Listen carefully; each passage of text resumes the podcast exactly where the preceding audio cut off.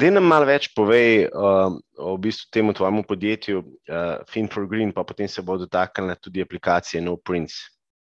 Um, to je bilo pa tako.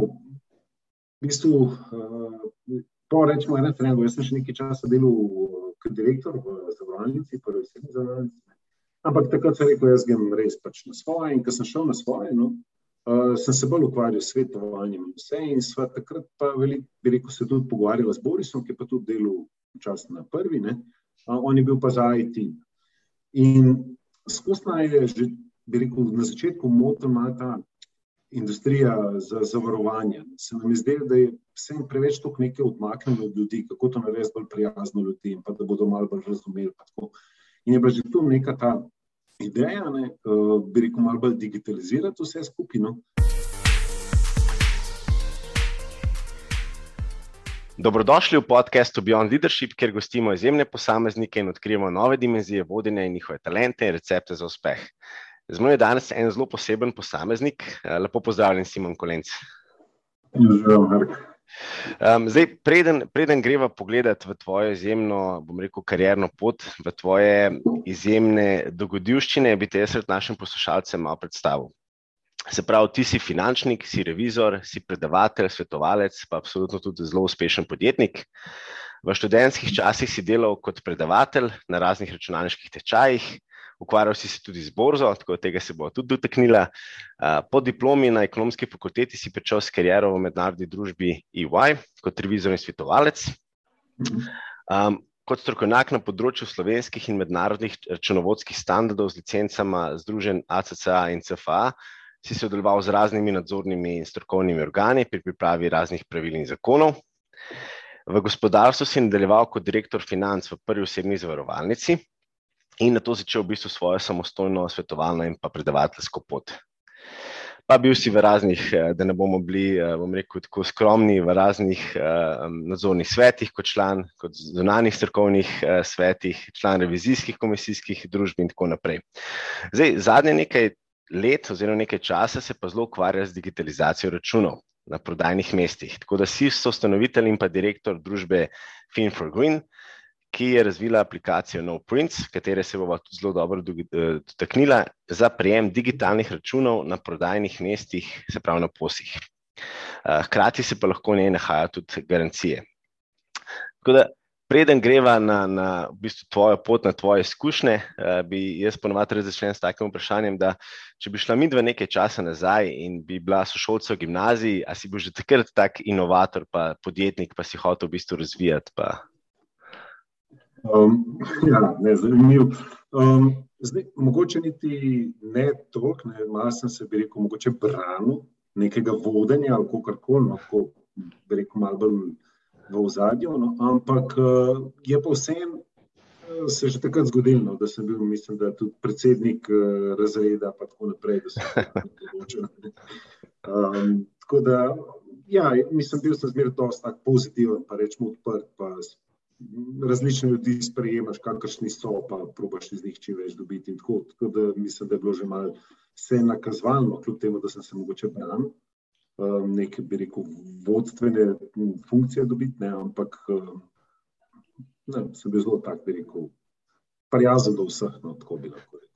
A pa ti je že takrat, glede na to, da si bil v Enestem Youngu, da si bil v raznih, bom rekel, nadzornih svetih, v raznih revizijskih, finančnih funkcijah, ti je bila takrat pol matematika zelo všeč, si bil že takrat zelo dober matematik? to pa je, to pa je. To. Matematika mi je bila ena, bi rekel, najbolj tako. Uh, matematika, statistika, uh, verjetnost, račun in tako naprej. To, to mi je bilo tako dosti logično vse skupaj. Tako da to sem prav, bi rekel, da najrajno predmet. Super, top. Zdaj, glede na to, da imaš ti različne klobuke, od tega, da si finančnik, revizor, predavatelj, podjetnik, pa tudi svetovalec, me zanima, pomeni, da moraš imeti kar, kar naporen urnik, ker predvsem moraš biti organiziran. Pa me zanima, da ne malo pišeš, imaš ti kakšen skrivni recept, kako se organiziraš, a se v nedeljo pripraviš za naslednji dan, a imaš kakšno posebno rutino, ki začenjaš ponedeljke, torke, Um, mislim, tako, uh, načeloma, kar delam, tudi je, konstantno. No? Tako imam uh, na različne pač, sisteme, koledar. koledar je tako, zdaj je na telefonu, to ni noben problem. Tako da sprot gledaš za cel teden naprej, približno kaj uh, pričakuješ, tako da imaš malo že v glavi. Ne? Um, pa, pa pač greš nekih po prioritetah, kaj ti zglavno prej, um, živo žabo, čim prej uh, poješ zjutraj, ja, ja, se ja. tega.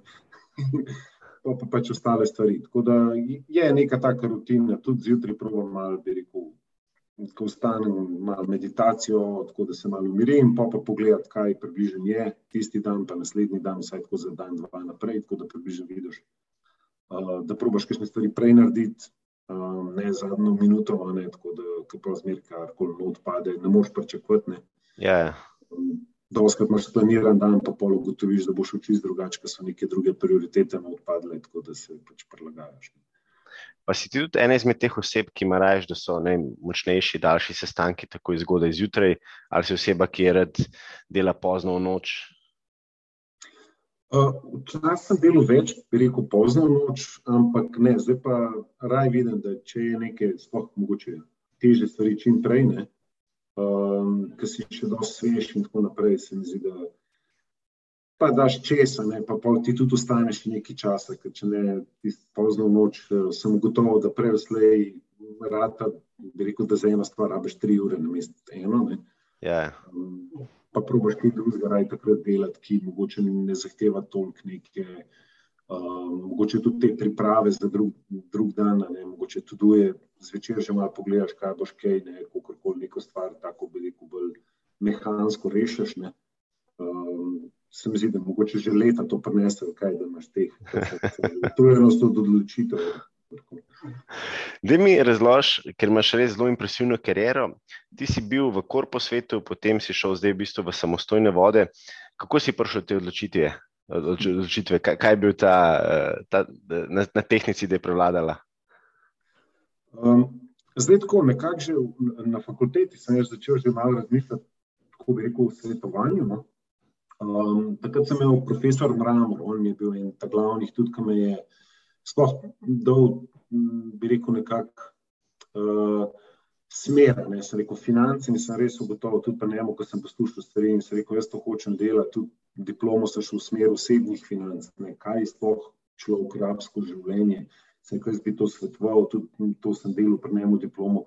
In pa me je on takrat zelo umiril, rekel, ok, si še malo mlad, ne, a ti bojo ljudje res zaupali, ne, da boš ti njim upravljal osebne finance pej draj malo neko korporacijo, da malo vidiš, kako stvari delajo. Tako da, um, in je bilo v bistvu, to sem gotovo, dejansko bila ena super stvar, sploh mogoče revizija je taka, pač ena stenjan, ki je bila super, uh, ekipa je super, hkrati, ko greš pa na teren, ne vidiš, rekel, praktično od nadzornega sveta do tistega, ki dela na šalterju, celoten proces, kako stvari, kako rečemo, firme živijo. Ne? In eno tako zelo širino dobiš. Ne? Tako da sem kar bi rekel, nekako not padel, tako sem padel v to delo, jaz sem tam delal 11-12 let. Ne.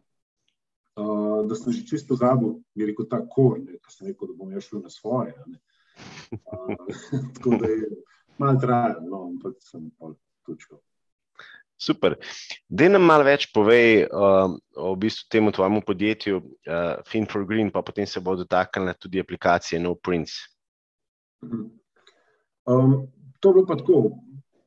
V bistvu, uh, po rečemo, ena trenutka, jaz sem še nekaj časa delal kot direktor v zavarovalnici, prvi sedem zavarovalnici. Ampak takrat sem rekel, jaz grem res pač na svoje. In ko sem šel na svoje, no, uh, sem se bolj ukvarjal s svetovanjem in vse. In sva takrat pa veliko, bi rekel, se tudi pogovarjala s Borisom, ki je pa tudi delal včasih na prvi. Uh, on je bil pa za IT. In skozi naj je že, bi rekel, na začetku motil malo ta industrija za zavarovanje. Se nam je zdelo, da je vsem preveč toliko nekaj odmaknjeno od ljudi, kako to narediti bolj prijazno ljudi in pa da bodo malo bolj razumeli. In je bila že tu neka ta ideja, ne, uh, bi rekel, malo bolj digitalizirati vse skupino. Uh, Pol je pa nekako prišlo do tega, ne, da je Boris enkrat in rekel, hej, a se spomniš ti računi, zakaj to rabimo, en meter račun mi dajo v trgovini ne, in pa ga itek zgodi. Ja. Yeah. In so rekli, super, da se to, vedela sem pa že prej, ko smo malo to študirali, da v zakonu dejansko dovoljuje ne, pač digitalne račune. In so rekli, več, uh, kaj če narediti, greva lepo pač, firmo.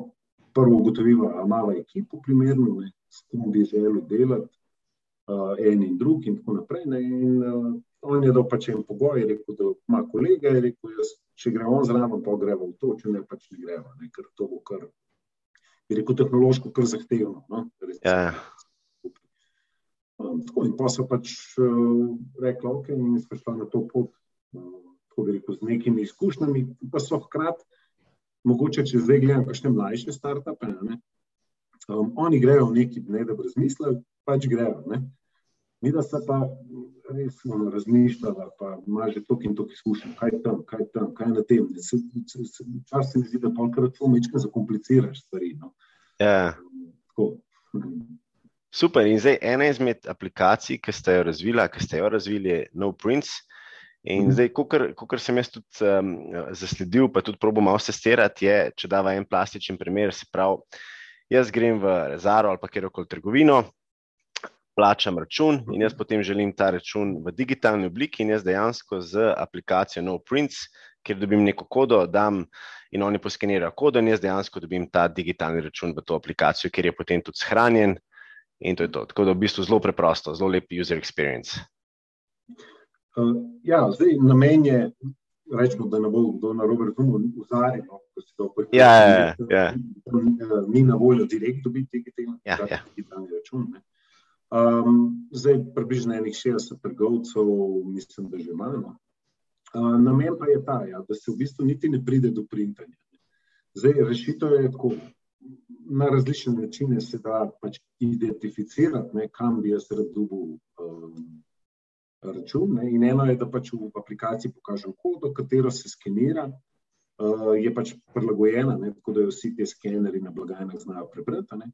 Če blagajna to kopira, dojame in reče, da tole pa ni pač izdelek, ampak je nov print digitalni račun in na koncu se zaključi, namesto da pošte na printer, pošte lepo. Cloud, ne, tako da imaš shranjeno, da ne skoristi, bi rekel, lahko se logiraš iz različnih naprav, zmer priješ do istih računov, tako da ni nobena težava. Ne. Um, hkrati se pa da, so, smo poskušali narediti tako, da rekel, ta koda je vedno deluje. Ne? Ali jaz plačam z denarjem, ali plačam s kartico, s čimer koli, um, mogoče nekim bonom, ali pa kako koli sploh ne plačam, ne? če imam neko akcijo. Um, zmer lahko dobim, ker pač to kodo bom zmeri pokazal. Rekel, podobno je, da bi rekel, recimo, da mail, dam trgovcu mail, on mi pošle na mail. S tem, da Mi smo se izogibali maila, ravno zato, ker smo delali analizo v Angliji, so se ljudje zelo pritožvali, da ne bi radi vsakemu trgovcu maila dejali in tako naprej. Ne? Tako da tukaj so pa nekako skriti za to svojo kodo, ker dejansko nobeno več ne pomeni. To je pač neka številka. Ne? Uh, za tega uporabnika je pa to, bi rekel, njegov ja. ID, njegov, da lahko pride do teh računov in da vejo, kje morajo biti. Um, Ideja je bila pa še širša, ker tudi, ko sem šel to malo testirati v Ameriki, določene te sisteme, kako delajo, ne, je bila pa skozi ideja, nekak, da povežemo to ali s paymentom, z lojalnostnimi karticami. Ne, se pravi, če ima trgovec, se, se da povezati. Ne, ker če boš šel k enemu trgovcu, boš ti tako uporabil lojalnost ne, in je to lahko identifikator, ne, tako da pač dobiš račun. In pa payment. Ne, payment je pa pač Ideja je bila tako, da jaz, ko pridem plačam, se niti ne ukvarjam s tem, in jaz že imam račun, ne še pridne plačilo sprovedeno. Um, ta del je malo, bi rekel, težji, je to kar ena velika sfera, ampak delujemo že s, z flikom, torej s temi takošnjimi plačili. No. Pri določenih trgovcih zdaj to malo dalj traja, kot smo mi pričakovali, da bodo banke razširile no, med trgovce. Uh, se pa že dobi, menih pet, šest trgovcev, vem, da, da to omogočajo, da ko plačaš s fikom, dobiš lahko avtomatično uh, digitalni račun. Um, to je bila predvsem ideja, da čim bolj poenostavimo, pa da veš, da imaš aha, na enem mestu, ko bom jaz hotel nekaj najti, ta garancije ali da bi zamenil izdelek, zmer vem, kam iskati. Ne razmišljam, ali sem zdaj ta račun shranil, ali sem ga stran vrgel, ali ga imam mogoče v PDF-ju, kje, ali na mailu. Ne. Tako da pač vem, najbolj da bomo imeli prid. Super. Ja. Super. Zdaj, ta, to, kar si zdaj na koncu omenil, ta garancija, to se mi zdi blazno mhm. fantastično. Ne? A ste tukaj potem razmišljali, da boste še kjer razširili, ker se pravi, ja. da on se, ker pove. Ja. Uh, je, zdaj, za enkrat je tako, ne, da kjerkoli račun dobiš, imaš možnost več garancij na njega dodati. Zdaj, če spet izdelkov kupilo, kupiti. Si dodaš garancije in si tudi lahko vneseš noter, um, dokdaj velja. Ne. In pa je tudi aplikacija, če si nastaviš, da te opomni, ne, te bo pač en mesec preden poteče garancija, boš dobil pač mail, gledaj na tem izdelku ti poteče garancija. Klikneš na link, se ti odpre račun, tako veš, aha, to je to. Pomisliš, a še dela, še dela v redu. Meni se je že zgodilo, da sem toliko časa čakal, čakal, da na koncu gotovo tri mesece kasneje, da je potekla garancija tri mesece nazaj, pa nisem šel izdelka menjati. Yeah. Tako, kako, pa na servis. Tako da to je to, pa hkrati pa uh, tudi zdaj delamo recimo z zavarovalnico Triglo, no, uh, da bi ponujali še zavarovanje. Se pravi, da tudi takoj, ko kupim neki izdelek, ne, če je možno ga zavarovati, te lahko mi vprašamo, rečemo, oglej, kupi si en telefon, ki to stane, to je taka cena, če hočeš za dve leti imeti zavarovanje. In da ti enostavno samo klikneš, te vrže na, na Triglovo stran, recimo v tem primeru, in skleneš zavarovanje in je to to. In pol isto te lahko spomnim čez dve leti, ne, oziroma ko teče, a bi ti še to podaljšal zavarovanje, ali je ok. Um, in hkrati veš, kje ga najdeš, veš, kje imaš račun, veš, kje imaš zavarovalno polico, vse imaš na skrajni. Pri garancijah, ki smo omenili, no, je bila pa ideja, sam, je pa tudi odvisno od samih trgovcev. Hoteli smo, da se te garancije že kar avtomatično pošljejo noter.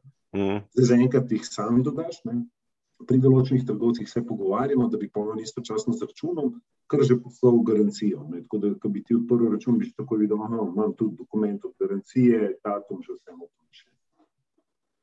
Super. Da mi povej, zasledil sem tudi, da, da razmišljate še o večjih, uh, še o drugih funkcionalnostih in da bi bila v bistvu to aplikacija, ki bi ponujala čisto vse na enem mestu. Kaj, kaj še kaj tazga, ki ste razmišljali, da bi potem zapakirali to? Zdaj imamo garancijo, imamo račune, imamo zavarovanje, kar je že zelo, zelo lep ekosistem. Um, kaj, kaj še kaj tazga? Zdaj, kot osnovo smo tako kot noter dali tudi uh, tele kartice z vesobe, ki so mhm. povezane direktno z Noprinc, prav da imam noter uh, nekako vse, kar je povezano s nakupi. Um, ideja pa je tudi, da bi radi payment nekako pelali, zdaj ali je to zunanji payment ali notranji, tako da Um, ker bi rad recimo naredil na, na princip, ne, da mi ne samo, da jaz na prodajnih mestih dobim digitalni račun, ne, ampak da mi ga pa recimo ne, Telekom pošle že v app enkrat na mesec, dobim noter račun in mi tudi vpraša, ali bi ga rad plačal. In da jaz lahko enostavno, zdaj, ko se to, bi rekel, open banking dogaja, ne bi jaz lahko enostavno kliknil gumbek, ne, danes plača ali pa 18, ali kako koli si nastavim, potrdim in tudi že vem, dolgo sem noter račun, in tudi plače sem ga že. Tako se pravi, da nekako vse to reši. In pa bi lahko bil pa tudi mogoče neke vrste payment app, kako koli. Čeprav na payment področju smo mi bolj upali povezovanje, ker je tega kar nekaj, ne? in ljudje ja. se zdaj imajo že polno eni telefone, pa imaš kaj so valu, pa je bil pa taka kartica, polna kartica, je že kar velik tega. No? Ampak saj za določen del bi se dal pa tu um, mogoče še malo poenostaviti. Um, recimo tudi eno tako zanimivo, imamo pa eno rekel, partnersko firmo, no, ki pa dela uh, digitalne uh, menije. S tem, da je malo mal širši, ni samo meni, ki ga jaz pač skeniram na mizi, pa pa vidim, kaj bom naročil. Ampak nekako on, on je šel v ta del, ne, to je pa ne vem, da skeniraš meni, da lahko tudi narediš naročilo. Ne, in tu se bomo mi zraven priključili, na koncu bo pač tudi plačilo in dobim račun. Ne. Se pravi, da tudi, ko bom prišel v nek lokal ali restavracijo, ja. ki ima težave s tem čakanjem, ne, da bom lahko naročil in tudi plačil in dobil račun, brez da kličem, pa prosim, če ravno takrat pa ne vem, kjer nima časa, ker ima neko knjigo oddelati, ne meni se pa začne muditi. Tako da ja. lahko narediš te res tak check-out in imaš še račun noter in vse je rešeno in greš. Full over, top, super. Deva se dotakniti predtem se je ta zgodba začela, ker si rekel, da sta s partnerjem nekako začela tudi sestavljati ekipo. Pa me zanima, ko se lotiš take zadeve, ker si rekel, da sta šla zelo premišljeno, um, tudi zelo, zelo sta uh, pogledala, kaj pa kako, kaj, kakšne funkcionalnosti. Um, kaj je bilo pomembno, ker ste sestavljali ekipo? Uh, prvo je, da pogledaš pač ljudi za določeno področje, ki jih poznaš, pa ki jim zaupaš. Um, to je bilo nekako glavno, pa da so bi rekel, tudi tako, nekako iščeš to, da, pravi, da so ljudje neki entuzijasti, problem solveri, um, da jih ni strah pač neki novega, ne, da so tako, bi rekel, ne, pozitivni. No, tako bi rekel.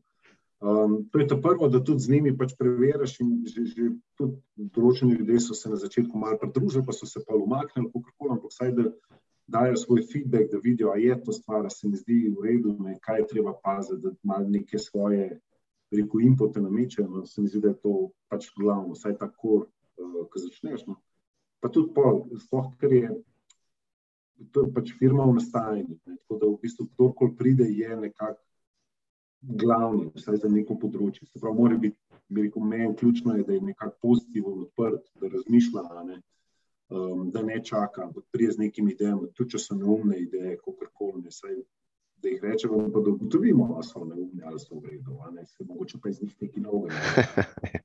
Ja, tako je, da se kdo kaj reče, pa rečeš, ne moreš tega, pa pa ok, samo mogoče bi se tam lahko. Neka debata, tako, da, je, da je entuzijastična. Super, kaj pa so v bistvu zdaj, se pravi, zdaj ste v Sloveniji, verjetno so cilji tudi bolj mednarodno. Kakšna pa je v bistvu neka vizija, ki jo imate? Um, ja, zdaj, mislim, eno je bilo najbolj tako, bi rekel, domače, je, da pokrivamo uh, Balkan, ne? ker prvič je tudi uh, zakonsko copy-paste vse, uh, dosta trgovcev se ponavlja, uh, so isti, uh, dosti recimo ne, blagajn ali pa paymentov, ki se je nekako podobno. Ne? Um, pa bi rekel, tudi severno so gledala te države določene, um, ki imajo, rečemo, dosti pozitiven pristop do digitalizacije. Ne? Ker, če gledamo, vsak tako reče, kaj je Nemčija, ampak ja, vem, Nemčija je ena unak ki še največ gotovine uporabljajo ne, v Evropi, recimo, ne, kar je tako presenetljivo. Zdaj, skandinavci, vemo, oni so tako, tako digitalni in tam tudi imamo konkurenco. Um, drugače po Evropi pa ne. Tako da nekako ta del je bil, um, preko ta Balkan, recimo Avstrija, še Češka, Slovaška, ta del bi se mi zdel smiseln uh, nekako pokrivati. Da bi cel svet pokril, je zelo težko. No? Uh, in se mi zdi, da bo prej ali prišlo do neke vrste, kot imamo pri paymentu. No. Um, Ker se to medsebojno lahko podatki pošiljajo ne, med različnimi regijami, in tudi tukaj. Ne, zdaj, na Evropi se že pojavlja neke vrste semantika za digitalne račune, tako kot je za e-račune, kot poznamo ta XML-stok.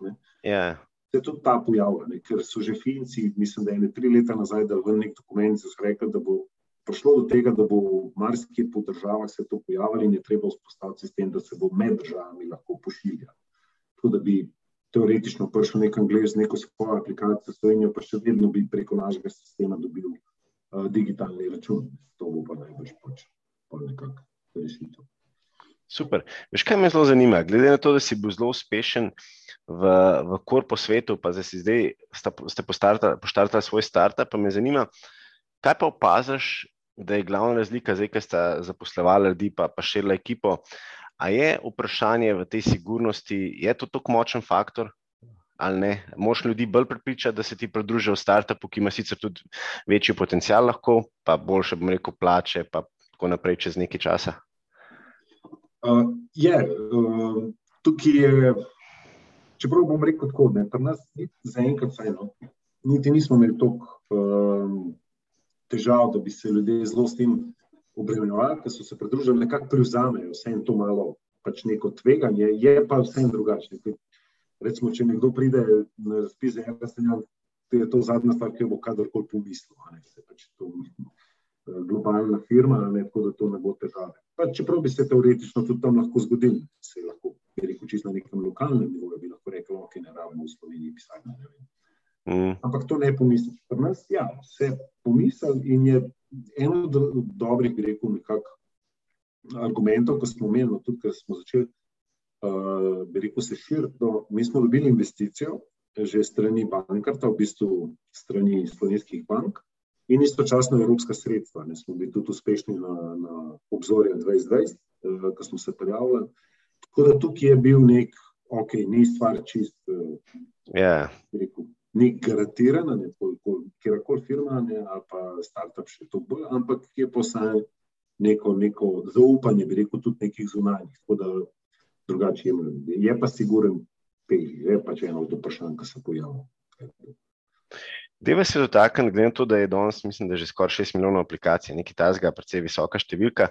Um, pa ste se lotili aplikacije, ki ima blazno velik potencial. Me zanima, kako hitri morate biti, oziroma kako dopuščate napake, kako hitri morate biti pri testiranju, da je ta uporabniška izkušnja, bom rekel, čim bolj prijazna.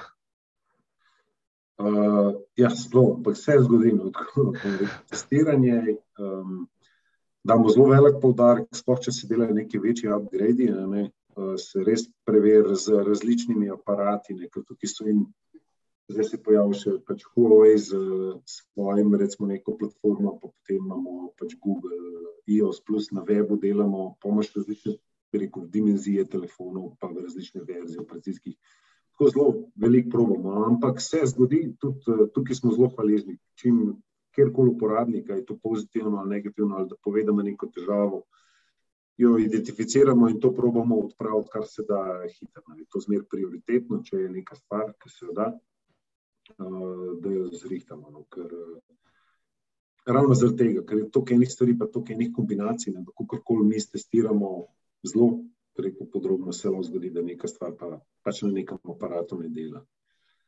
Um, Super. Še kaj me zanima? Zdaj me pa zanima, še, če greva v kontrasmer. Se pravi, prej sem te vprašal, kaj je bilo pomembno, ko sta sestavljali ekipe, pa kako se je ta slog razlikoval med korpo in startupom. Pa me zdaj zanima, kako se je pa tvoj stil vodenja um, spremenil, oziroma spremenil tekom karijere, ko si v bistvu prevzel pomembnejše funkcije, pa si v uh, ene stene Angorasu, pa potem v drugih, uh, bom rekel, korpo službah, napram zdaj, ko si v bistvu founder, pa, pa imaš v bistvu tako zelo, zelo, zelo inovativno rešitev. Um, jaz bi rekel, mislim, uh, po mojem se skozi spremenja. No? Način vodenja, pa že sam po sebi ni, um, mogoče tudi bom rekel, v neki osnovi je konstantno, recimo, ampak je že od vsega začetka ne, recimo v Erastenjangu, tam jaz, ki sem prišel, pa ki sem šel, je bilo 100 ljudi, samo štiri je isti, ki so bili takrat, ko sem jaz prišel. To je menjave. To pomeni, da se je vem, v desetih letih mogoče vem, 500 ljudi zamenjalo. In to yeah. je vsak imičkan drugačen. Tako da že tam zelo hitro dojameš, da nek način vodenja mogoče dobro deluje pri določenih ljudeh, mogoče petih, desetih, pri naslednjih petih že ne. Tako da v bistvu se to skozi prilagaja. No bi rekel, s časom se ti naučiš malo drugačne stvari delati, ne? pa hkrati moraš zelo probati razumeti. Meni se zdi ena najtežjih drugačnih stvari vodenje ljudi, no? Tako, če si iskren, ker je vsak je mal drugačen. Yeah. Ja. Doskrat pridajo na neke take, kje so zdaj meje, pa da ni osebno, pa da je. Pa, da rečemo tudi ljudje, če jih ne okaraš, kako koli nek feedback daš, ki ni v redu, ne, da, kako to povedati, pa da to na koncu pozitivno vam prenese. Um, plus, pa vsak ima neke svoje želje, pa, pa med sabo, če se kdo ne, ne razume, to rata pa se mi zdi še večji problem, ne, kako to rešiti, te interne. Um, ampak mislim, ja, skozi se moš malo prilagajati. Ja, se pravi, da višji, ko greš po neki karjerni poti, da bolj postaješ nek HR uh, eh, oseba, ne? bolj, bolj se ukvarjaš z odnosi, pa manj, manj z neko operativo. Um, Deva se še dotakniti in sicer eh, me zelo zanima, kaj bi pa tisti, američani temu pravijo, the aha moment, tisti aha trenutek v tvojem življenju, ki si pa končno se odločil, zdaj pa, zdaj pa grem svojo pot. Um, ker vem, da si rekel, da ste se kar nekaj časa že večkrat pogovarjali s partnerjem, pa s prijatelji, da bi kaj tazga poštartal. Ampak kaj bo pa tisti trenutek, ki si pa rekel, da je to, ali ki se je kaj posebnega zgodil? Ma, niti ne vem, mogoče je tako. Nek trenutek rečeš, mi se gledaj, če gremo zdaj to narediti. Ne? Uh, če ne bom počal že pred penzijo, bom rekel, je zdaj pa ne. Ampak, um, Ne, tako, ja, večkrat se igra, dobro, pa tudi tako je. No, večkrat, ko razmišljaš, pa bi neki, pa, pa imaš neke, mogoče druge omejitve, ali še nekaj delaš. Jaz nekjer, tudi ko sem delal, recimo prej v korporativnem, ne, se mi je zdelo pač neka, hm, kako bi temu rekel, neka obveznost, tako kako, da če neko stvar delaš, ne moreš kar reči, zdaj pa danes pa grem nekaj drugega. Ne. Spravi, treba nek tudi exit delati ven, ki greš, da imaš neke naslednike, da probaš neko karkoli stvari spostaviti, tako da se to zmeraj malo vleče.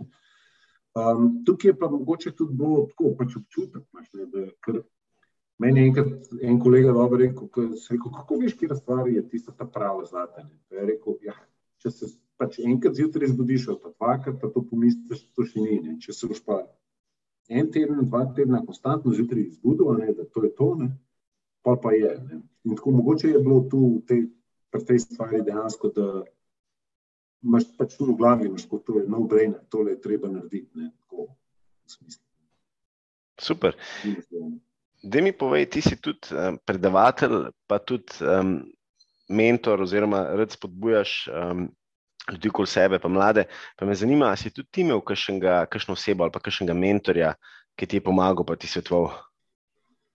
Um, zdaj, tako, mislim, uh, bi rekel direktno, ne, uh, da se prav nekdo, da lahko rečeš, ne, da te nekdo razvije. Ne, je zelo težko reči, ne, ker uh, skozi čas se ti konstantno pojavlja v različnih fazah neki ljudje, ali to z njimi sodeluješ, ali so sodelavci, ali so to zunanje, ali kako koli, ki bi rekel, te nekaj učijo. Ne, pa, pač Zmeraj si pripravljen od kogarkoli dobiti nekaj informacij, se nekaj naučiti. Ne. Zdaj, da bi prav rekel, nekako dva človeka tako v življenju, ki bi pa lahko rekel, da sta imela trajnejši vpliv. No. Pa bolj en je bil, ki sem že prej omenil, profesor Moramor, ne se mi zdi, da je imel par takih stvari, ki mi je rekel, uh, da sem pa začel malo razmišljati. In drug pa, po mojem, uh, gospod Urenič, Janez Urenič, on je bil partner, še zdaj partner v Enestem Jangu. Um, se mi zdi, da mogoče sta ona dva imela nekako najbolj tako uh, vpliv na celotno kariero. Super. Um, Peva se še dotakniti, um, in to, to me blazno zanima, in sicer kako skrbiš za, bom rekel, ta stres oziroma pritiske, ker verjamem, da zdaj iz korpo sveta, ker je mogoče malo mal lažje, pa malo več sigurnosti, pa varnosti iti v startup, ker iz, iz danes na jutr ne veš, kako se bo trg odzval, oziroma probaš predvidevati, kako se ti je to povečalo ali pa zmanjšalo, pa kako to handlaš. ja. Uh, tako bom, ja, dobro, zdaj stres je zmeri, pač takšen ja. ali drugačen. Zdaj. Um, jaz mislim, da najbolj ga prenašam, tukaj je pač glavna je familija. Jaz sem pač žena Barbara, mislim, se tako razumem, kot najboljš uh, frenda. Sin vid, on, on mi zna tudi kakšno vprašanje postaviti. Tako da se mi zdi, da najbolj to nekako sfuram, da se dejansko z njima pogovarja, karkoli. Um, in pa na koncu se mi zdi, da zmeraj dojamem, ker se z njima pogovarjam, karkoli, da vse nobena stvar ni tako grozna. In pa pač stres mine, če kakorkoli. Um, ker ugotoviš, da kaj so tiste res glavne stvari, pomembne, ok, karkoli drugega se zgodi, bo še zmeraj ok. In pa nekako ta stres mine in ti tudi lažje, pol, kjer okoli stvar uh, se jo loti. No. Tukaj so pa polno takih malih, ki so pa streski, non-stop, ki letijo. Pač, probaš. Mogoče to, kar je rekel en kolega, enkrat je, on je rekel, dober. Um, na koncu je bilo še zmeraj vse dobro. In pa se zmeraj to spomnim, kadarkoli je kakšno stvar, ja, na koncu je še zmeraj vse dobro. To to. Se bo pač rešil, proba bomo čim boljš narediti in to je to. Ja, ja. Se to mislim, da je en pregovor um, v smislu, everything will be okay at the end, if it's not okay, it's not the end. Še, še, še, še, še, še nismo tam. Da mi poveš, ker me zelo zanima ta tvoja funkcija, ki si jo imel kot, um, kot revizor in sicer bil si član nadzornih svetov, pa zunani strokovni član uh, različnih revizijskih um, komisij, različnih družb. Um, da mi malo opiš to funkcijo, no, ki mi je blazno zanimiva. Um, ja, zdaj, tako, ko sem bil revizor, pač tako, tako ne moreš biti na nadzornih svetih ali kako koli, ker je tam pač konflikt interesov. Uh -huh. um, ampak kasneje no, se je pa pojavil, pa, ko sem šel nekako za revizijo, no, uh -huh. je pa to uh, neka funkcija, kjer pa zelo radi vidijo, sploh za revizijske komisije, ker po zakonu morajo imeti. Uh, Razen v bankah, druge pač morajo imeti enega zunanjega člana, ki niti ni član nadzornega sveta, ne kot nek strokovni. In tam je pa zelo radi imajo pač revizijo, ravno zaradi tega, ker imajo zelo širok pogled, ne, sploh tako bi rekel, in poslovanje, in potem kako se to odraža v raznih uh, računovskih izkazih, uh, po raznih poročanjih in tako naprej. Ne, tako da je pač taka funkcija, se mi zdi, da tam da tudi največkrat največ prenesem ravno s tem, pač, ker je nek drug pogled, pa bi rekel ta strokoven uh, z vidika, bi rekel, čist revizija, pa računovodstva izkazali. Um, Kot neka obveznost, da, da, da to moram delati. No. Zdaj, vem, da je to uh, rekel, tako nehvaležno vprašanje, ampak um, doskrat se ljudje sprašujemo, pa potem razmišljamo, da smo sprejeli pravo odločitev. Če gledam nazaj, če bi, če bi šel ti lahko nazaj, a bi kaj spremenil na svoji karjerni poti, bi kakšno odločitev drugače naredil? Uh, ne. To je, to je tako. Jaz mislim, da pač karkoli se odločiš, se odločiš in stvari narediš, in pač nikoli ne gledaš nazaj, kaj bi bilo, če bi drugače. Če bi eno stvar spremenil, ne, 15 let nazaj bi bilo danes popolnoma vse drugače in bi najbrž spet gledal, uf, kaj če bi prej se enkrat nekaj drugega naredil. Tako da Ja, ja. se mi zdi, da je brez veze zgubljati cajt. Se pravi, vem, ok, sem naredil, mogoče neke stvari niso bile najboljše, mogoče druge, ampak vse so pa pripeljali do tega, kjer smo danes. ne. Tako da um, pač sprejmeš in rečeš, to je to, sprejmem, stojim za odločitvijo, je bila najboljša, ni bila, če ne bomo kaj spremenili skozi čas in to je to. Super, zelo, se strinjam, zelo dober odgovor. E, tako da, dragi poslušalci, za tiste, ki zmeraj se sprašujete, kaj bi bilo, če bi bilo, ne se sprašujete. um, Simon, zdaj pa pejva še malo na, na tvoje osebno življenje. Sicer me zanima, zdaj en, en fun fact, ki si mi ga zaupal, je, da sta si žena vzela karjerni pred- predih oziroma predah in sta šla na 15-mesečno potovanje okoli sveta. Wow. Ja. Kam, kako, da nam malo pove. Ja, to je bilo kar.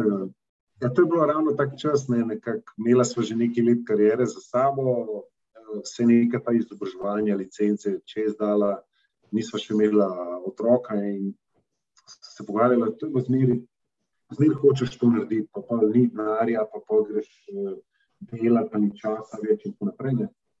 In so pač rekla, da je, greva zdaj, pa pač bo videla, bo to še kdaj rata v življenju. In če se enostavno, bomo se pač vzela, mislim, ni enostavno, ampak je, je bilo kar nekaj planiranja, tudi, no, ker ravno tako, kot sem prej rekel, se pravi, naprej smo tudi rekli, v službah smo se zmenili, da je un čas, eh, lahko to naredimo, v redu, čez devet mesecev, ok, bomo takrat. Um, in uh, sva šla pač na avion v Buenos Aires in tam se je pa od tam naprej smo pa pač malo, približno smo imeli ruto narejeno, ne, Južna Amerika, bežala eh, pred zimo, ne, sva probala tako iti, da, da nimava predvsem sabo, ne, da mora biti vsaj pomlad, poletje nekako. A, super. Pa so se ja, premikala proti severu, Severno Ameriko, potem v Azijo, pa spet malo rekel, bolj južno, pa pa nazaj gor. tako. Um, še zdaleč, da bi vse obdelali, tudi če rečeš, da bi šel okoli sveta. To je tako velik, pa vidiš. Ne. Ja, ja. 15 let potvrditi, da bi mogoče vse države obdelal. Um, ampak je bila pa super tako izkušnja. Kaj pa, kakšen kraj, ki ti je najbolj ostal v spominu, ali pa vama, da se vam je tako zelo. Uh, Ja, to je zelo, zelo težko bi rekel. Če bi tako, ja, ker je to tega, ne, ampak um, recimo, zanimivo mi je, da enih boljših držav v Amerikah, da, se v redu počutiš, da je celotna, bi rekel, ta klima ali pa nek feeling dober, mi je recimo Kolumbija, neverjetno. Ne. Potem v Aziji, tam pa sploh, bi rekel, kakšna Tajska, Indonezija se mi zdi ta najbolj. Ne. Sploh ta del mi je zelo tako pri srcu, no. ampak ta občutek, da imaš, ki si tam, da, da se počutiš relaks, da je prijetno, da je um, marsikaj zavideti, da je neka zgodovina, kultura in vse skupino. Uh, zelo pozitivno me je pa presenetila, recimo, Japonska. Um, to, kar sem nekako na kitajskem pričakoval, ne, zelo veliko zgodovine, uh, je tam. Tam pa nekako jim je uspelo narediti, da imaš hkrati tehnološko državo, zelo napredno z, ne vem, z mašinami za, za ja. Hrano, takšno in drugačno. Ne vem kaj, pa imaš pa istočasno, ne, priješ v Kyoto, pa ne 3000 templov, še zmeri tam, pa še zmeri gejše vidiš, ko hodijo po cesti. Kot neko mešanico, uh, gejša pride na ultra hiter vlak. ne, tako. Ja,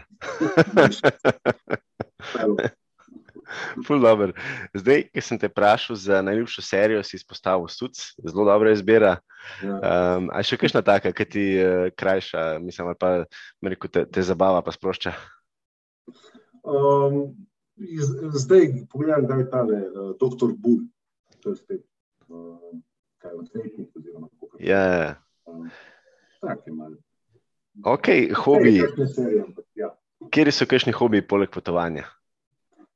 Um, drugače, radi hodimo v hribe, na splošno, tako malo, neko hiking, um, kolesarimo, um, tudi plezanje, recimo malo tako plezanje, potapljanje, take stvari. Um, da so malo neči, zverik vsak dan. No. Um, to je ta mi zdi. Najljubši podjetnik? Uh, po mojem, Richard Branson. Um, tak, on je pač bi rekel, ja, kako bi rekel, iz nule nekako postavil, pa se mi zdi, da je pa še zmeraj dosti earth, tako uh, človek. Um, Pa ne kupuje Twitterja, kot je Elon Musk. Ne, ja, nekaj sem enkrat vprašal, mislim, da tudi, če, če, če, če, če ima to denarja, pa to zakaj si ne kupi eno otok, pa gre kaj leže. Rekel, a vi imate otok, pa ne, no, jaz sem to probil, pa nima smisla. Pač nekaj dela. No, ja, ja. hudo. Zdaj, eh, če te omejim in ti rečem, da najljubša aplikacija ne sme biti No Prince, čeprav je, kjer bi bila še kakšna, ki jo redno uporabljaš? Curve. Curve. To pa nisem, nisem še, kaj je to? Uh, ful dobro je. Um, notaš lahko vse možne pač kreditne kartice, uh, in potem uporabljaš zdaj, imaš svojo kartico, kar, ne, ali pa uporabljaš kar telefon in plačuješ vse minute, tako kot neki Apple Wallet, pa tako naprej, recimo ali pa Google Pay. Uh, s tem, da imamo pa še ne, določene sem se navadil. Recimo, če se zmotiš z napačno kartico, nekaj kupiš, enostavno imaš ne 14 dni časa, preneseš z ene na drugo, pa tako razne te funkcionalnosti na noter ki so zelo dobro rešene. Top. Kaj pa kakšna knjiga, ki ti je recimo ostala v spominu ali pa bi jo mogoče predlagal našim poslušalcem? Um, tale, uh, Clash of Civilizations oziroma Spopad civilizacij, uh, Huntington, mislim, da je bil. Um, to sem recimo na poti, ko sem blaženo, pač ko menjaš knjige v raznih hostih, ne, sem enkrat vzel to knjigo nekje in sem bil čist frapiran, meni je tako marsikaj oči mi je odprlo vse in je bilo pa ful zanimiv. Zdaj, ko se je začela ta Rusija, Ukrajina in meni tako neki kapno, sem rekel, pa se mi zdi, da sem jaz pa to že tam obral, pa je bila knjiga napisana 20 let nazaj. No, in je šel pol kolega, ki sem v tom menu vse v knjižnico iskati in je najdel pet strani noter, recimo, ki je to leta 96 napisana knjiga, že opisovala to, kar se v bistvu danes dogaja, da se bo dogajalo tam do nekje leta 2020. Ne. Wow. Zanimivo. Ja, in je zelo marsikaj ti da neke perspektive, kar se po svetu dogaja. Um, malo neko tak pogled, um, zakaj do česa pridemo, kaj ne bi prišlo. Tako naprej. Tako se mi zdi, da je bilo super. Super, bomo dali povezavo na, na spletno stran, pa na vse kanale. Ok, zdaj pa, če, če greva še na najpomembnejše vprašanje, in sicer mi imamo že zelo, zelo lepo število poslušalcev bom rekel, ogromno mladih študentov, mladih podjetnikov, na drugi strani pa tudi kar nekaj uh, izkušenih podjetnikov, pa menedžerjev. Pa me zanima, kaj bo tvoj nek zaključni nauk ali pa misel ali pa nauki, ki bi jih uh, delil z našimi poslušalci. Um, glavna stvar, okay, eno je, kar sem že prej omenil, mogoče te odločitve. Uh, pa sprejmeš odločitve, uh, mislim, da imajo budisti pravilo treh vdihov, ne? v treh vdihih sprejmem odločitev in grem naprej. Uh, In pa stvari, ne, zdaj, če te kaj mot, um, spremeni, če ne moreš spremeniti, pač to sprejmi in se ne ukvarji s tem. Se pravi, ta, pa, um, da se pač ne gleda nazaj. Um, to, kar smo že prej rekli. Ja, ja. Um, Simon, še enkrat hvala, dragi poslušalci. Z nami je bil Simon Kolenc, finančnik, revizor, mentor, predavatelj, svetovalec, podjetnik in pa jaz bom rekel tudi eden izmed inovatorjev na področju eh, aplikacij, ker razvija res tak eh, zanimiv eh, in pa celovit ekosistem. Tako da, Simon, še enkrat najlepša hvala za tvoje izkušnje, poglede na svete in pa te, te zaključne nauke, ki mislim, da nam bojo zelo vsem prav prišli. Hvala, Marek, za čas. Me veseli. No. Tudi mene. Hvala. Tako da, Tako da, a, super, evo, to je to. Um, jaz bom zdaj to uh, še malo obdelal, z ekipo pogledal, uh, potem pa objavim. Jaz ponovadi objavljam podcaste vsak ponedeljek, tako da mhm. gre na spletno stran, pa na vse te uh, podcast kanale, kanale Apple, Spotify in tako naprej. Um, tako da to je to. No. Jaz sem sliko sem dubu, opis sem dubu, um, tako da opis pa fun facti ponovadi sledi v, v, v opisu, ki ga dam in to je to. No. Tako da jaz se ti ful zahvaljujem, če bo karkoli mi sporoči, drugače pa bi šlo to pol v ponedeljek live. Okay, nala, super. Me veselim. No. Tudi mene, Simon. Daj, z veseljem pa še kdaj kakšna kavica ali pa kosila ali kaj tasga. Ja. To pa z veseljem. Okay. Super, hvala ti. Thanks. Čau, čau. Čau, čau. čau.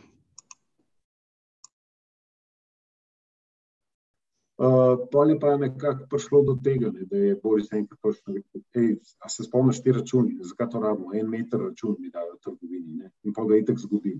Ja. In so rekli, super, ne, se to, vedela sem pa že prej, ko smo malo to študirali, da v zakonu dejansko dovoljuje ne, pač digitalne račune. In so rekli, noč, uh, kaj ćemo narediti, greva, lepo pač uh, firmo. Prvo ugotovila, a mala ekipa primerno, ne, s kom bi želel delati en in drug, in tako naprej. Ne, in, on je dal pač en pogoj, rekel, da ima kolega, je rekel, jaz, če gremo zraven, pa gremo v to, če ne pač ne gremo, ne, ker to bo kar, je rekel, tehnološko kar zahtevno. No, ja. um, tako, in pa so pač uh, rekli, ok, in smo šli na to pot. Uh, Rekel, z nekimi izkušnjami, pa so hkrati, mogoče če zdaj gledam, kakšne mlajše startupe, um, oni grejo v neki dne, da bi razmislili, pač grejo. Ne? Mi da se pa res razmišljamo, pa ima že toliko in toliko izkušenj, kaj tam, kaj tam, kaj na tem. Včasih se mi zdi, da tolkrat to mečke zakompliciraš stvari. No. Ja. Super. In zdaj ena izmed aplikacij, ki ste jo razvili, ki ste jo razvili, je No Prince. In mm. zdaj, kot sem jaz tudi um, zasledil, pa tudi probo malo testirati, je, če dava en plastičen primer, se pravi, jaz grem v Zaro ali pa kjerkoli trgovino, plačam račun in jaz potem želim ta račun v digitalni obliki in jaz dejansko z aplikacijo NoPrints, kjer dobim neko kodo, dam in oni poskenirajo kodo in jaz dejansko dobim ta digitalni račun v to aplikacijo, kjer je potem tudi shranjen in to je to. Tako da v bistvu zelo preprosto, zelo lep user experience. Uh, ja, zdaj namen je, rečemo, da ne bo kdo na robu razumel, vzarjen, no, ko se to pojavlja. Ja, ja, ja. Ni na voljo direkt dobiti digitalni, ja, ja. digitalni račun. Ne. Um, zdaj, približno enih 60 trgovcev, mislim, da že imamo. Uh, namen pa je ta, ja, da se v bistvu niti ne pride do printanja. Zdaj, rešitev je tako. Na različne načine se da pač identificirati, ne, kam bi jaz rad dobil um, račun. Ne. In eno je, da pač v aplikaciji pokažem kodo, katero se skenira, uh, je pač prilagojena, ne, tako da jo vsi ti skeneri na blagajnah znajo prebrati. Če blagajna to kopira, dojame in reče: Ah, tole pa ni pač izdelek, ampak je nov print digitalni račun. In na koncu se zaključi, na mestu pošte, na printer pošte, lepo. Cloud, ne, tako da imaš shranjeno, da ne skrbiš, ti bi rekel, lahko se logiraš iz različnih naprav, zmer priješ do istih računov, tako da ni nobena težava. Um, hkrati se pa daš, so, smo poskušali narediti tako, bi rekel, ta koda je vedno deluje. Ne. Ali jaz plačam z denarjem, ali plačam s kartico, s čimerkoli. Uh, mogoče nekim bonom ali pa kako sploh ne plačam, ne, če imam neko akcijo. Um, zmer lahko dobim, ker pač to kodo bom zmeri pokazal. Rekel, podobno je, da bi rekel, recimo, da mail, dam trgovcu mail, on mi pošle na mail. S tem, da mi smo se izogibali maila, ravno zato, ker smo delali analizo v Angliji, so se ljudje zelo pritožvali, da ne bi radi vsakemu trgovcu maila dejali in tako naprej. Ne. Tako da tukaj so pa nekako skriti za to svojo kodo, ki dejansko nobeno več ne pomeni. To je pač neka številka. Ne. Uh, za tega uporabnika je pa to, bi rekel, njegov ja. ID, njegov, da lahko pride do teh računov in da vejo, kje morajo biti. Um, ideja je bila pa še širša, ker tudi, ko sem šel to malo testirati v Ameriki, določene te sisteme, kako delajo, ne, je bila pa skozi ideja, nekak, da povežemo to ali s paymentom, z lojalnostnimi karticami, ne, se pravi, če ima trgovec, se, se da povezati. Ne, ker, če boš šel k enemu trgovcu, boš ti tako uporabil lojalnost ne, in je to lahko identifikator, ne, tako da pač dobiš račun. In pa payment. Ne, payment je pa pač ideja, da tako, da jaz, ko pridem, plačam, se niti ne ukvarjam s tem, in jaz že imam račun, ne še pridem plačilo sprovedeno. Um, ta del je malo, bi rekel, težji, je to, ker je ena velika sfera, ampak delujemo že s, z flikom, to je s temi takošnjimi plačili. No. Pri določenih trgovcih je to malo del traja, kot smo mi pričakovali, da bodo banke razširile no, med trgovce. Uh, se pa že dobi, enih pet, šest trgovcev, vem, da, da to omogočajo, da ka plača s klikom, dobiš lahko avtomatično uh, digitalni račun.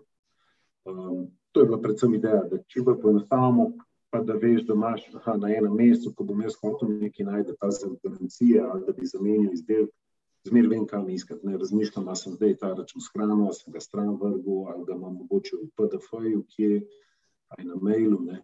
Tako da pač vem, najbolj da bomo imeli prijeti. Super. Ja. Super. Zdaj, ta, to, kar si zdaj na koncu omenil, ta garancija, to se mi zdi blazno mm. fantastično. Ne? A ste tukaj potem razmišljali, da boste še kje razširili? Ker se pravi, ja. da on se, ker pove. Ja. Uh, je, zdaj, za enkrat je tako, ne, da kjerkoli račun dobiš, imaš možnost več garancij na njega dodati. Zdaj, če spet izdelkov lahko pet.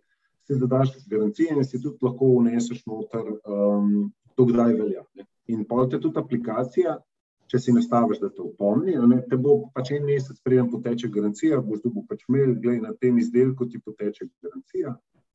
Klikneš na link, se ti odpre račun, tako veš, aha, to je to. Pomisliš, a še dela, še dela v redu. Meni se je že zgodilo, da sem toliko časa čakal, čakal, da na koncu sem gotovo tri mesece kasneje, da je potekla garancija tri mesece nazaj, pa nisem šel izdelka menjati. Yeah. Tako kot pa na servis. Tako da to je to, pa hkrati pa uh, tudi zdaj delamo recimo z zavarovalnico Triglav, no, uh, da bi ponujali še zavarovanje. Se pravi, da tudi takoj, ko kupim neki izdelek, ne, če je možno ga zavarovati, te lahko mi vprašamo, rečemo, oglej, kupi si en telefon, ki to stane, to je taka cena, če hočeš za dve leti imeti zavarovanje. In da ti enostavno samo klikneš, te vrže na, na Triglav stran, recimo v tem primeru in skleneš zavarovanje in je to to. In pol isto te lahko spomnim čez dve leti, ne, oziroma ko teče, a bi ti še to podaljšal zavarovanje ali je ok. Ne, um, in hkrati veš, kje ga najdeš, veš, kje imaš račun, veš, kje imaš zavarovalno polico, vse imaš na skrajni. Pri garancijah, ki smo omenili, je bila pa ideja, sam, je pa tudi odvisno od samih trgovcev. Hoteli smo, da se te garancije že kar avtomatično pošljejo noter. Mm. Zdaj, zaenkrat jih sam dodaš, ne, pri določenih trgovcih se pogovarjamo, da bi polno istočasno z računom, kar že poslal garancijo. Ne. Tako da, ko bi ti odprl račun, bi tako videl, da imam tudi dokument od garancije, datum, že vse moče. Super. Da mi povej, zasledil sem tudi, da, da razmišljate še o večjih, uh, še o drugih funkcionalnostih in da bi bila v bistvu to aplikacija, ki bi ponujala čisto vse na enem mestu. Kaj, kaj še je tazga, ki ste razmišljali, da bi potem zapakirali to? Zdaj imamo garancijo, imamo račune, imamo zavarovanje, kar je že zelo, zelo lep ekosistem. Um, kaj, kaj še je tazga? Zdaj, kot osnovo smo tako kot noter dali tudi uh, te kartice z vesobe, ki so uh mhm. -huh. povezane direkt z noprinc. Sprav, da imam noter uh, nekako vse, kar je povezano s nakupi. Um, ideja pa je tudi, da bi radi payment nekako pelali. Zdaj, ali je to zunanji payment ali notranji. Um, ker bi rad, recimo, naredil na, na princip, ne, da mi ne samo, da jaz na prodajnih mestih dobim digitalni račun, ne, ampak da mi ga pa recimo ne, Telekom pošle že v app enkrat na mesec, dobim noter račun in mi tudi vpraša, ali bi ga rad plačal. In da jaz lahko enostavno, zdaj, ko se to, bi rekel, open banking dogaja, ne bi jaz lahko enostavno kliknil gumbek, ne, danes plača ali pa 18, ali kako koli si nastavim, potrdim in tudi že vem, dolgo sem noter račun, in tudi plačal sem ga že. Tako se pravi, da nekako vse to reši. In pa bi lahko bil pa tudi mogoče neke vrste payment, kako koli. Čeprav na payment področju smo mi bolj upali povezovanje, ker je tega kar nekaj, ne? in ljudje ja. se zdaj imajo že polno eni telefone, pa imaš kaj so valu, pa je bil pa taka kartica, polna kartica, je že kar velik tega. No? Ampak saj za določen del bi se dal pa tu uh, mogoče še malo poenostaviti. Um, recimo tudi eno tako zanimivo, imamo pa eno rekel, partnersko firmo, no, ki pa dela uh, digitalne uh, menije. S tem, da je malo mal širši, ni samo meni, ki ga jaz pač skeniram na mizi, pa pa vidim, kaj bom naročil. Ampak nekako on, on je šel v ta del, ne, to je pa vem, da skeniraš meni, da lahko tudi narediš naročilo. Ne, in tu se bomo mi zraven priključili, na koncu bo pač tudi plačilo in dobim račun. Ne. Se pravi, da tudi, ko bom prišel v nek lokal ali restavracijo, ja. ki ima težave s tem čakanjem, ne, da bom lahko naročil in tudi plačil in dobil račun, brez da kličem, pa prosim, če ravno takrat pa ne vem, kje nima časa, ker ima neko knjigo oddelati, a ne meni se pa začne muditi. Tako da ja. lahko narediš te res tak check-out in imaš še račun noter in vse je rešeno in greš. Full over, top, super. Deva se dotakniti, predtem se je ta zgodba začela, ker si rekel, da sta s partnerjem nekako začela tudi sestavljati ekipo. Pa me zanima, ko se lotiš take zadeve, ker si rekel, da sta šla zelo premišljeno, um, tudi zelo, zelo sta uh, pogledala, kaj pa kako, kaj, kakšne funkcionalnosti. Um, kaj je bilo pomembno, ker ste sestavljali ekipo? Uh, prvo je, da pogledaš pač ljudi za določeno področje, ki jih poznaš, pa ki jim zaupaš. Um, to je bilo nekako glavno, pa da so bi rekel, tudi tako, nekako iščeš to, da, pravi, da so ljudje neki entuzijasti, problem solveri, um, da jih ni strah pač neki novega, ne, da so tako, bi rekel, ne, pozitivni. No, tako bi rekel. Um, to je to prvo, da tudi z njimi pač preveriš. Že, že tudi določeni ljudje so se na začetku malo pridružili, pa so se pa umaknili, kako koli, ampak vsaj da dajo svoj feedback, da vidijo, ali je to stvar, se mi zdi v redu, ne, kaj je treba paziti, da imajo neke svoje rekel, inpute namečejo, no, se mi zdi, da je to pač glavno, vsaj tako, uh, ko začneš. No. Pa tudi pol, sploh, ker je to je pač firma v nastajanju. Ne, tako da v bistvu kdorkoli pride, je nekako glavni, vsaj za neko področje. Se pravi, mora biti, bi rekel, meni ključno je, da je nekako pozitiven, odprt, da razmišlja, ne, um, da ne čaka, da prije z nekimi idejami, tudi če so neumne ideje, kako koli, da jih rečemo, pa da ugotovimo, ali so neumni ali so v redu, ali se mogoče pa iz njih nekaj novega. Ja, tako je, da se kdo kaj reče, rečeš, ne moreš tega, pa pa ok, samo mogoče bi se da tako. Neka debata, tako, da, je, da je entuzijastična. Super, kaj pa so v bistvu zdaj, se pravi, zdaj ste v Sloveniji, verjetno so cilji tudi bolj mednarodno. Kakšna pa je v bistvu neka vizija, ki jo imate? Um, ja, zdaj, Mislim, eno je bilo najbolj tako, bi rekel, domače, je, da pokrivamo Balkan, ne? ker prvič je tudi uh, zakonsko copy-paste, vse ene, uh, dosta trgovcev se ponavlja, ne?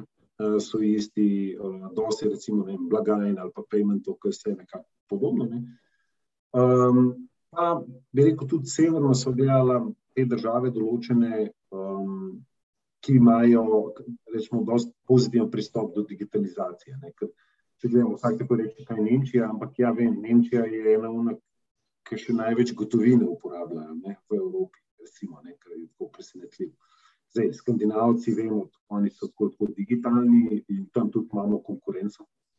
Um, drugače po Evropi pa ne. Tako da nekako ta del je bil, um, rekel ta Balkan, recimo Avstrija, še Češka, Slovaška, ta del bi se nam zdel smiseln uh, nekako pokrivati. Da bi cel svet pokril, je zelo težko. No. Uh, in se mi zdi, da bo prej slepo šlo do neke vrste, tako kot imamo pri paymentu. No.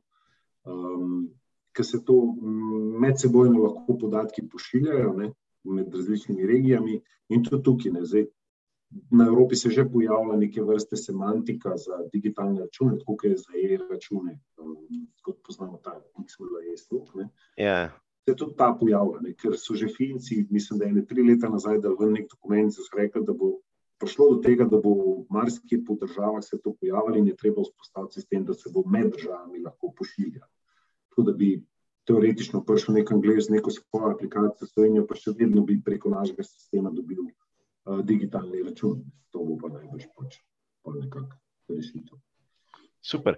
Veš, kaj me zelo zanima? Glede na to, da si bil zelo uspešen v, v korpo svetu, pa zdaj si zdaj ste poštartali svoj startup, pa me zanima, kaj pa opaziš, da je glavna razlika zdaj, ker ste zaposlovali ljudi, pa, pa širili ekipo. A je vprašanje v tej sigurnosti, je to tako močen faktor?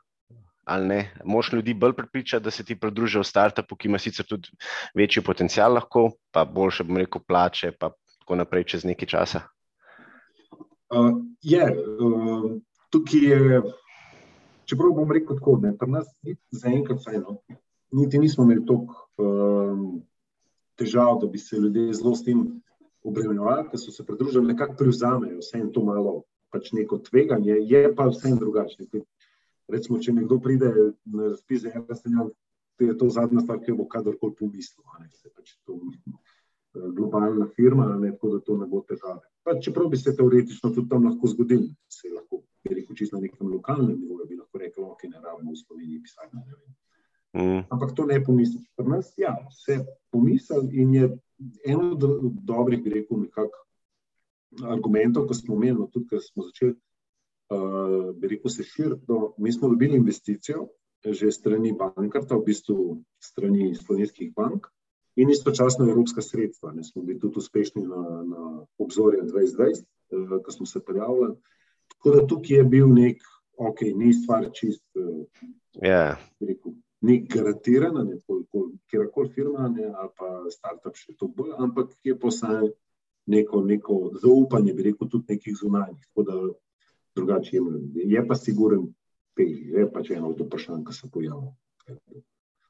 Deva se dotakniti, glede na to, da je danes, mislim, da je že skoraj 6 milijonov aplikacij, nekaj tazga, predvsej visoka številka, um, pa ste se lotili aplikacije, ki ima blazno velik potencial, me zanima, kako hitri morate biti, oziroma kako dopuščate napake, kako hitri morate biti pri testiranju, da je ta uporabniška izkušnja, bom rekel, čim bolj prijazna.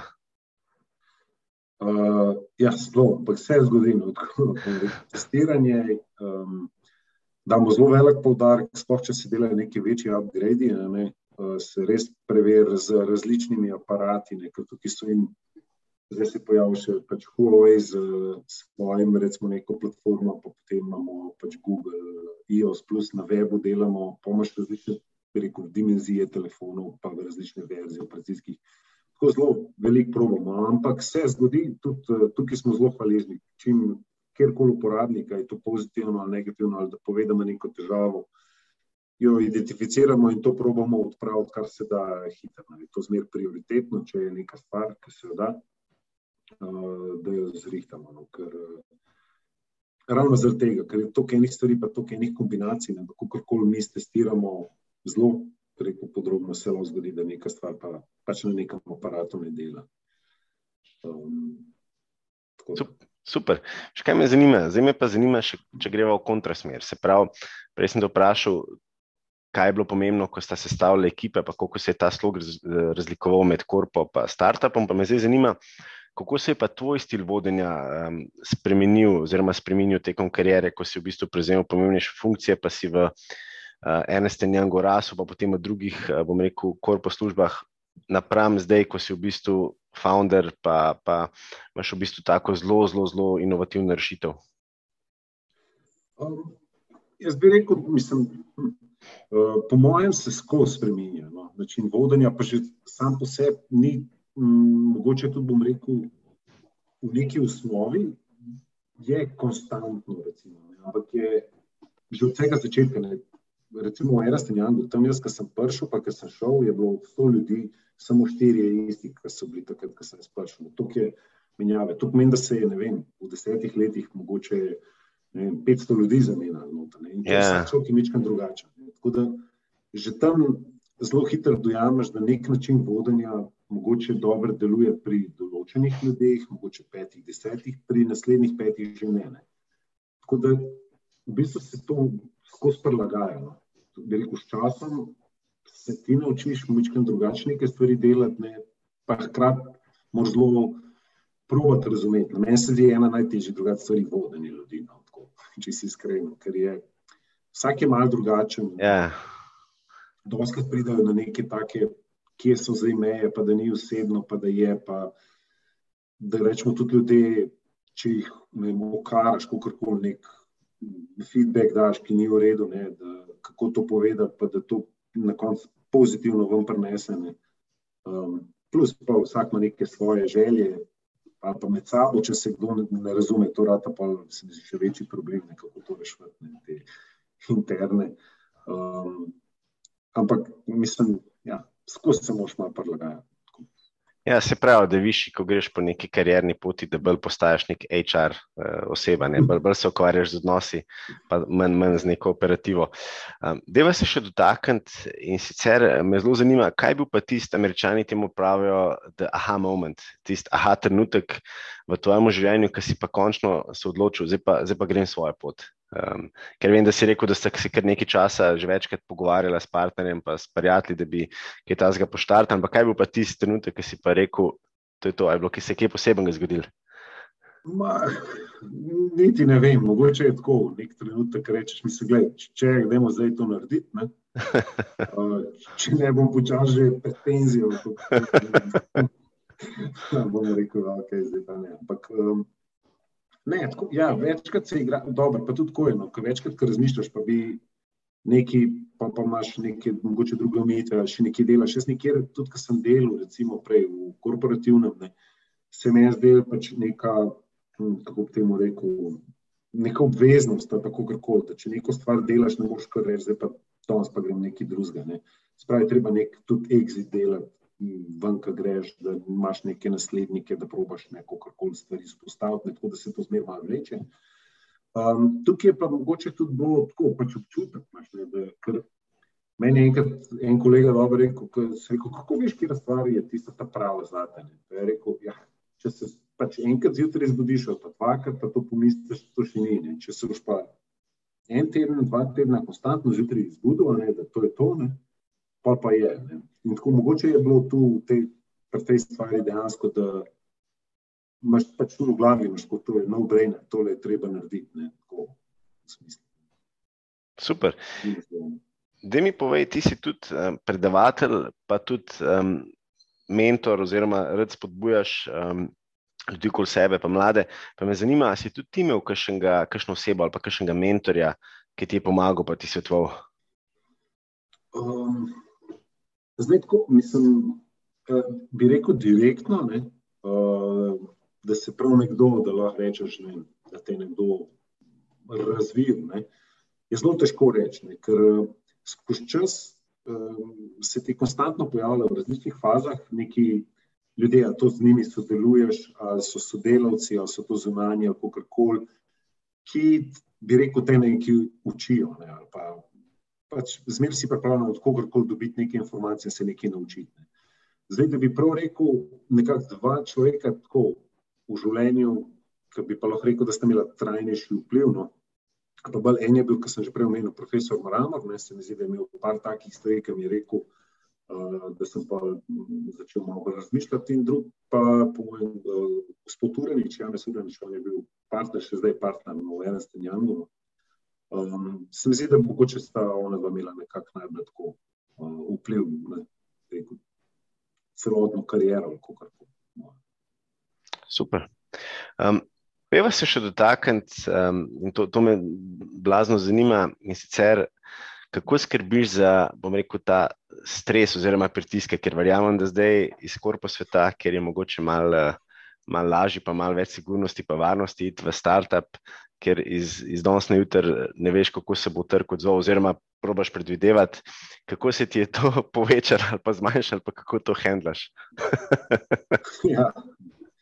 Uh, tako bom, ja, dobro, zdaj stres je zmeri, ne. Pač takšno ja. drugačno zdaj. Um, jaz mislim, da najbolj ga prenašam, tukaj je pač glavna je familija. Jaz sem pač žena Barbara, mislim, se tako razumem, kot najboljš uh, frenda, sin vid, on, on mi zna tudi kakšno vprašanje postaviti. Tako da se zdi, da najbolj to nekako sfuram, da se dejansko z njima pogovarjam, karkoli. Um, in pa na koncu se mi zdi, da zmeraj dojamem, ker se z njima pogovarjam, karkoli, da se nobena stvar ni tako grozna. In pa pač stres mine, če kakorkoli. Um, ker ugotoviš, da kaj so tiste res glavne stvari, pomembne, ok, karkoli drugega se zgodi, bo še zmeraj ok. In pa nekako ta stres mine in ti tudi lažje, kjer koli stvar uh, se loti. No. Tukaj so pa polno takih malih, ki so pa streski, non-stop, ki letijo. Pač, probaš. Mogoče to, kar je rekel en kolega, enkrat je, on je rekel, dobro. Um, na koncu je bilo še zmeraj vse dobro. In pa se zmeraj to spomnim, kadarkoli je kakšno stvar, ja, na koncu je še zmeraj vse dobro. To. Se bo pač rešil, proba bomo čim bolj narediti in to je to. Ja, ja. Se to mislim, da je en pregovor um, v smislu, everything will be okay at the end, if it's not okay, it's not the end. Še, še, še, še, še, še nismo tam. Da mi poveš, ker me zelo zanima ta tvoja funkcija, ki si jo imel kot, um, kot revizor in sicer bil si član nadzornih svetov, pa zunani strokovni član uh, različnih revizijskih um, komisij, različnih družb. Um, da mi malo opiš to funkcijo, no, ki mi je blazno zanimiva. Um, ja, zdaj, to, tako, ko sem bil revizor, pač tako, tako ne moreš biti na nadzornih svetih ali kako koli, ker je tam pač konflikt interesov. Uh -huh. um, ampak kasneje no, se je pa pojavil, pa ko sem šel nekako za revizijo. No, je pa to uh, neka funkcija, kjer pa zelo radi vidijo, sploh za revizijske komisije, ker po zakonu morajo imeti uh, razen v bankah, druge pač morajo imeti enega zunanjega člana, ki niti ni član nadzornega sveta, ne kot nek strokovni. In tam je pa zelo radi imajo pač revizijo, ravno zato, ker imajo zelo širok pogled. Ne, sploh tako, bi rekel, in poslovanje, in potem kako se to odraža v raznih uh, računovodskih izkazih, uh, po raznih poročanjih in tako naprej. Ne. Tako da je pač taka funkcija, se mi zdi, da tam da tudi največkrat največ prenesem ravno s tem, pač, ker je nek drug pogled, pa bi rekel ta strokoven uh, z vidika, bi rekel, čist revizija, pa računovodstva izkazov in tako. Um, tako. Se mi zdi kar nekaj obveznost, da, da, da to moram delati. Zdaj, vem, da je to uh, tako nehvaležno vprašanje, ampak um, doskrat se ljudje sprašujemo, pa potem razmišljamo, da smo sprejeli pravo odločitev. Če gledam nazaj, če bi, če bi šel ti lahko nazaj, ali bi kaj spremenil na svoji karjerni poti, bi kakšno odločitev drugače naredil? Uh, ne. To je, to je tako. Jaz mislim, da pač karkoli se odločiš, se odločiš in stvari narediš, in pač nikoli ne gledaš nazaj, kaj bi bilo, če bi drugače. Če bi eno stvar spremenil, ne vem, 15 let nazaj bi bilo danes popolnoma vse drugače in bi najbrž spet gledal, uf, kaj če bi brez enkrat nekaj drugega naredil. Ne? Da, yeah. Ja. Se mi zdi, da je brez veze zgubljati cajt. Se pravi, vem, ok, sem naredil, mogoče neke stvari niso bile najboljše, mogoče druge, ampak vse so pa pripeljali do tega, kjer smo danes um, pač sprejmeš in rečeš, to je to, sprejmeš to in za odločitev je bila najboljša, ni bila, če ne bomo kaj spremenili, skozi čas in to je to. Super, zelo, se strinjam, zelo dober odgovor. E, tako da, dragi poslušalci, za tiste, ki zmeraj se sprašujete, kaj bi bilo, če bi bilo, ne se sprašujete. um, Simon, zdaj pa pejva še malo na, na tvoje osebno življenje. Sicer me zanima, zdaj en, en fun fact, ki si mi ga zaupal, je, da sta si žena vzela karjerni predih, oziroma predah, in sta šla na 15-mesečno potovanje okoli sveta. Wow. Ja. Kam, kako, da nam malo pove. ja, to je bilo kar. Ja, to je bilo ravno tako čas, ne, nekako imela smo že nekaj let karijere za sabo, vse nekaj ta izobraževanja, licence, če je zdala, nismo še imela otroka in se pogovarjala, to je bilo zmeri zdaj hočeš to narediti, pa, pa ni denarja, pa, pa greš delati, pa ni časa več in tako naprej. Ne. In so pač rekli, da greva zdaj, pa pač bomo videli, da bo to še kdaj rata v življenju. In se enostavno, smo pač vzeli, mislim, ni enostavno, ampak je, je bilo kar nekaj planiranja, tudi, no, ker ravno tako, kot sem prej rekel, se pravi, naprej smo tudi rekli, v službah smo se zmenili, da je on čas, lahko to naredimo, v redu, čez devet mesecev, ok, bomo takrat.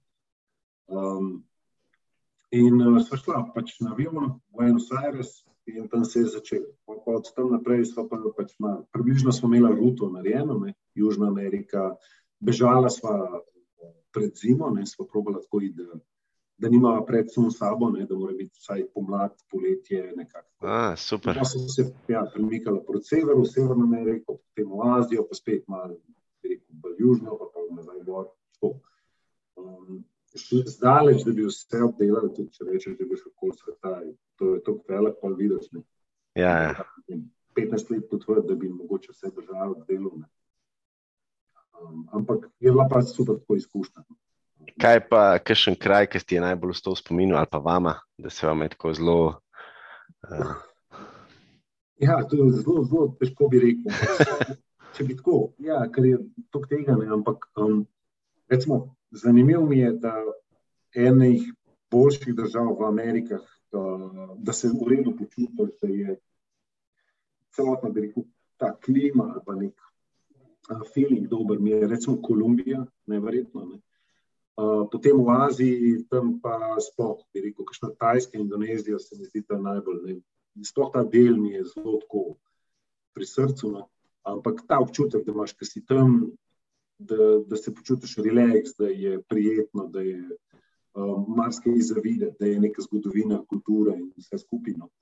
Uh, zelo pozitivno me je pa presenetila, recimo, Japonska.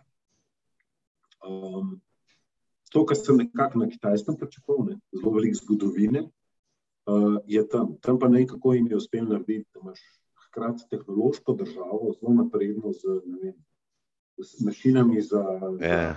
Ja. hrano, takšno in drugačno. In kaj, pa imaš pa istočasno, ne priješ v Kyoto, pa ne 3000 templov, še zmeraj tam, pa še zmeraj gejši vidiš, ko hodijo po cesti. Kot neko mešanico. Uh, gejša pride na ultra hiter vlak.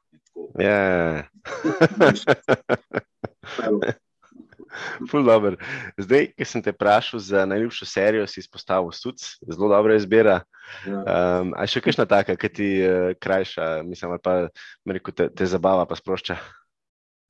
Um, iz, zdaj, pogledaj, da je tale uh, doktor Bull, to je spet, uh, kaj je odvetnik, oziroma kako kaj. Ja. Um, tak je malo. Ok, hobi. Ja. Kje so kakšni hobiji poleg potovanja? Um, drugače, radi hodimo v hribe, na splošno. Tako malo, neko hiking, um, kolesarimo, um, tudi plezanje, recimo malo tako plezanje, potapljanje, take stvari. Um, da so malo neči, zverik vsak dan. No. Um, to je ta glavno, se mi zdi. Najljubši podjetnik? Uh, po mojem, Richard Branson. Um, tak, on je pač bi rekel, ja, kako bi rekel, iz nule, nekako postavil, pa se mi zdi, da je pa še zmeraj dosti sam tvrd, tako uh, človek. Um, pa ne kupuje Twitterja, kot je Elon Musk. Ne, ja, jaz sem enkrat vprašal, mislim, da tudi, če, če, če, če, če ima to denarja, pa to zakaj si ne kupuje eno otok, pa gre kaj leže. Rekel, a vi imate otok, to ne, no, jaz sem to probil, pa nima smisla. Pač nekaj dela. No, ja, ja. hudo.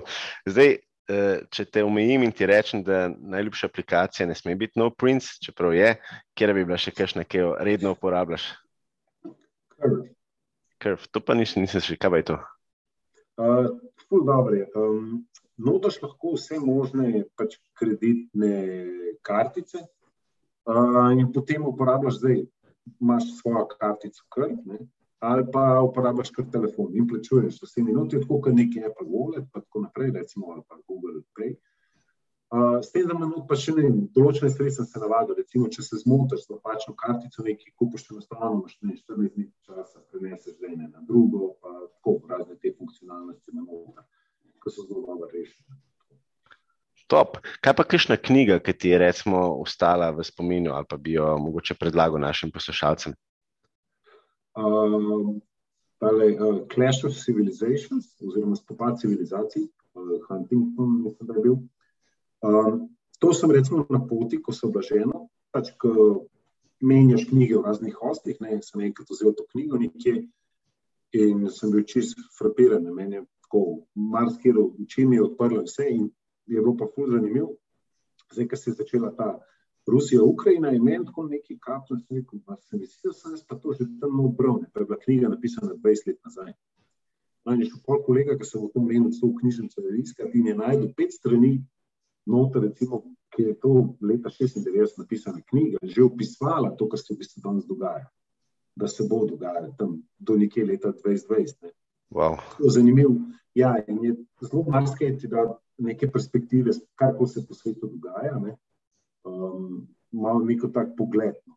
um, zakaj do česa pridemo, kaj ne bi prišlo. Tako, tako se mi zdi, da je bilo super. Super, bomo dali povezavo na, na spletno stran, pa na vse kanale. Ok, zdaj pa, če, če gremo še na najpomembnejše vprašanje, in sicer mi imamo že zelo, zelo lepo število poslušalcev bom rekel, ogromno mladih študentov, mladih podjetnikov, na drugi strani pa tudi kar nekaj uh, izkušenih podjetnikov, pa menedžerjev. Pa me zanima, kaj bo tvoj nek zaključni nauk ali pa misel ali pa nauki, ki bi jih uh, delil z našimi poslušalci. Um, ta glavna stvar, okay, eno je, kar sem že prej omenil, mogoče te odločitve. Ne? Uh, pač sprejmeš odločitve, uh, mislim, da imajo budisti pravilo treh vdihov, ne? v treh vdihih sprejmem odločitev in grem naprej. Uh, in pa stvari ne zdaj. Če te kaj moti, um, spremeni, če ne moreš spremeniti, pač to sprejmi in se ne ukvarji s tem. Pravi, ta, pa, um, da se pač ne gleda nazaj. smo se pregrešali. Ja, ful dobro. Um, Simon, še enkrat hvala, dragi poslušalci. Eh, z nami je bil Simon Kolenc, finančnik, revizor, mentor, predavatelj, svetovalec, podjetnik in pa jaz bom rekel tudi eden izmed inovatorjev na področju eh, aplikacij, ki razvija res tak eh, zanimiv in pa celovit ekosistem. Tako da, Simon, še enkrat najlepša hvala za tvoje izkušnje, poglede na svete in pa te, te zaključne nauke, ki mislim, da nam bojo zelo vsem prav prišli. Hvala, Marek. Spremljate nas na vseh 13 kanalih, kot so Spotify, Apple, Google, Castbox in pa tudi YouTube, LinkedIn, Instagram in pa Facebook, kjer imamo že ogromno skupnost, kjer nas je preko 2000. Imamo pa tudi novo spletno stran beyondleadership.se. Se že veselimo vaših novih poslušanj in pa dogodivščin.